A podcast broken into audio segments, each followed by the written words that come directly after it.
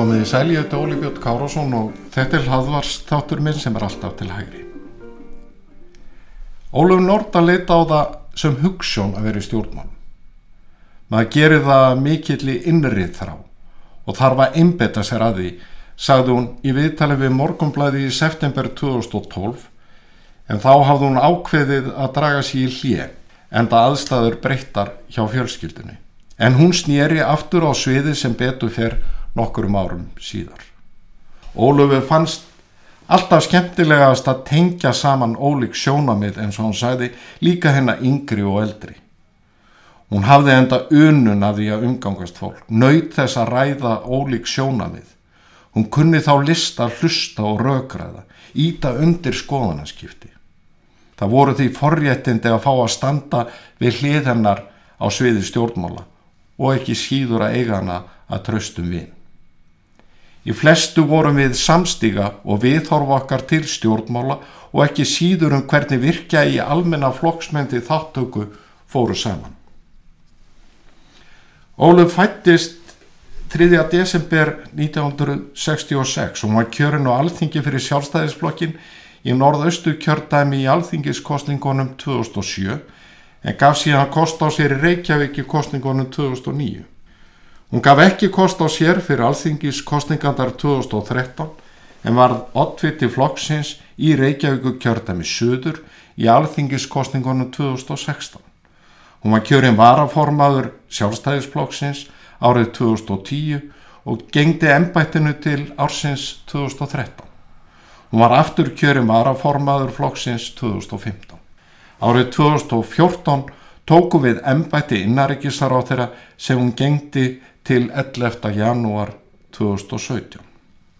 Ólöf útskrifaðist úr MR 1986, lög lögfræðiprófi frá Háskóla Íslands 1994 og MBA-prófi frá Háskólanum í Reykjavík 2002. Hún var deildastjóri í samgönguráðanitinu, var hjá Verbreyfaþingi Íslands og syndið samhliða stundakensli lögfræði við Ískjeta Háskólan í Bifröst 1999 til 2002. Hún var deildastjóri viðskipta lögfræðadeildar Bifrastar Hún var yfirmaður heilsölu viðskipta hjá landsvirkjum 2002-2004, frangatastjóri sölusviðs hjá Rarik 2004-2005 þegar Ramagsala var tekin inn í sérstatt fyrirtæki orkusöluna og frangatastjóri hennar 2005-2006. Hún var formaður bankar á Sæðlabanka Íslands 2013 og 2014 og stjórnarformaður SPES, hjálparsamtaka vegna byggingar barnaþorpa í Afríku. Ólaf lést árið 2017 eftir veikindi rétt liðlega 50. Það byrti alltaf yfir þegar Ólaf Nordal mætti til leiks. Engin gatt staðist góðulegt og stundum kímilegt brosið sem náði til augnana. Hún var hjartalí og raukvöst, hreinskiptun og falslus. Þannig hyllaði hún alla sem nötu þeirra gæfu að verða henni samferða. Djúbstæð samfaring Ólafar í stjórnmálum var byggð á trúnni á einstaklingin og réttlátt samfélag samhjálpar og náungakærleika. Hún var ástriðu stjórnmálamæður, laus við yfirlæti og tilgerð. Þess vegna hún trúnaður á tröst langt út fyrir raðir sjálfstæðismanna. En skaplaus var vinkonu mín ekki.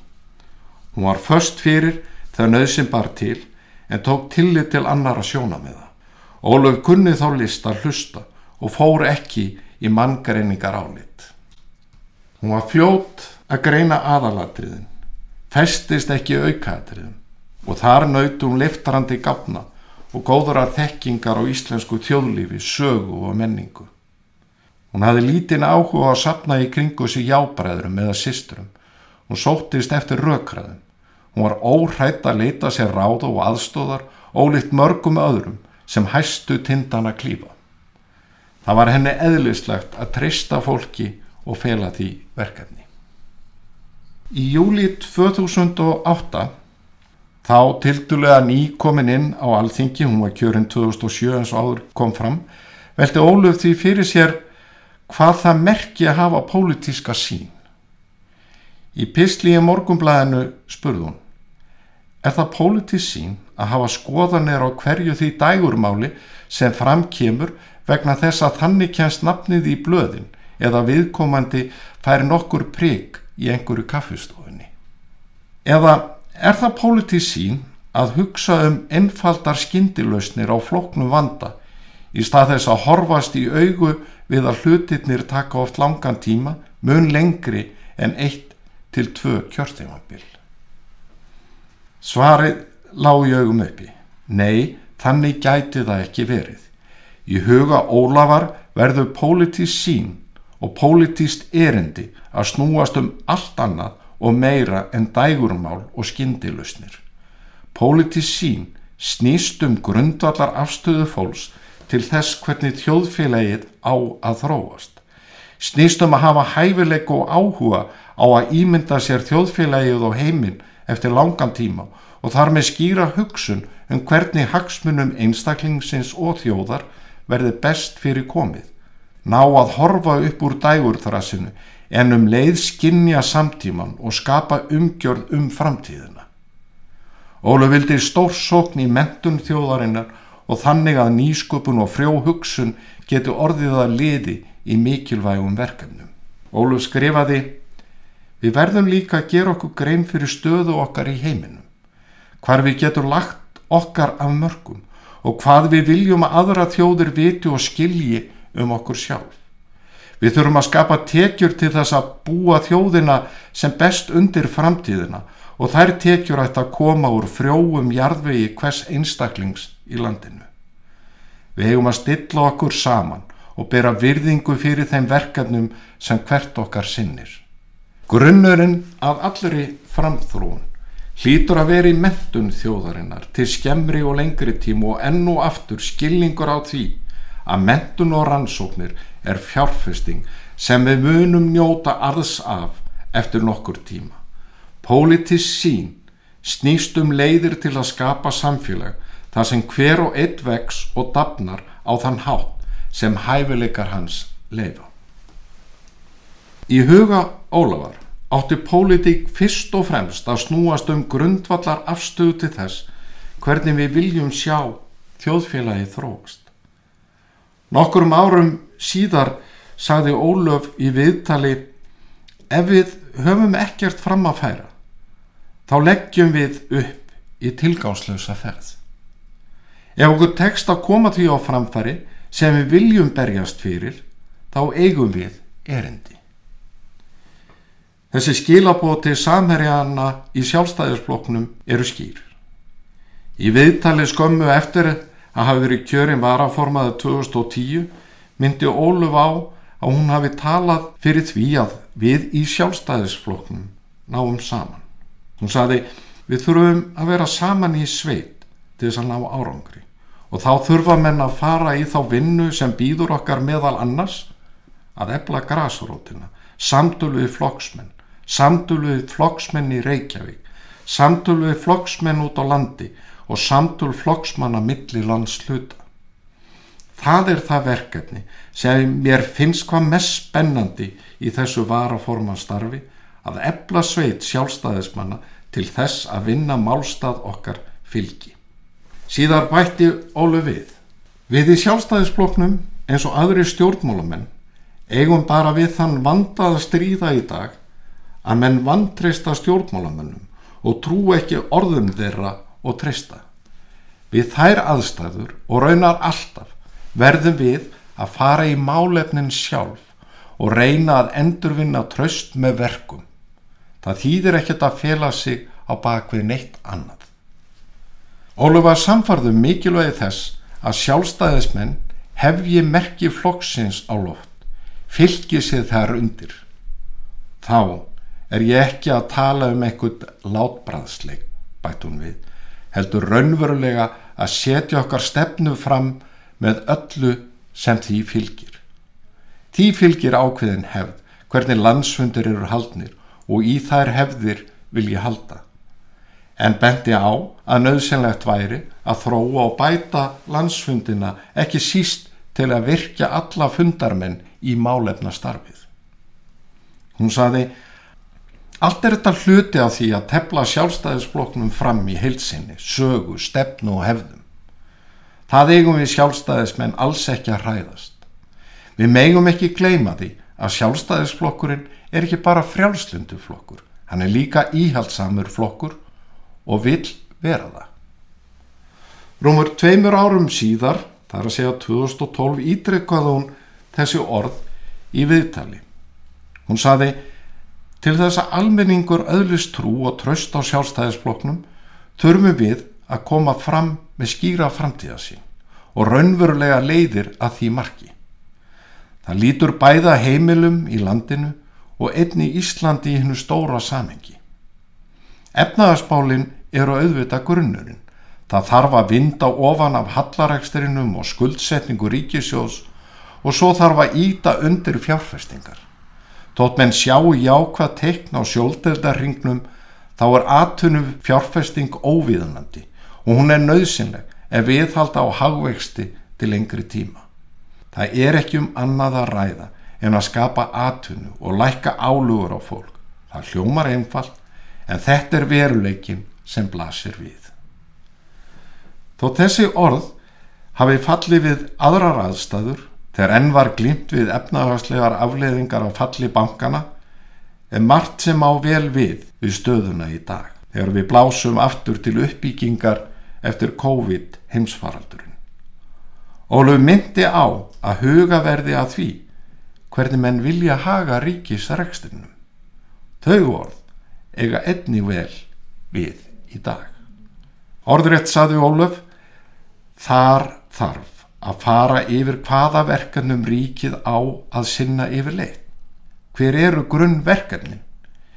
Í stað þess að líta útgjaldaliðina eins og þau eru núna og skera flatt og ómarkvist niður, þá ættum við að líta á ríkisreksturinn í hilsinu og spyrja Hvað þarf ríkið að sjáum?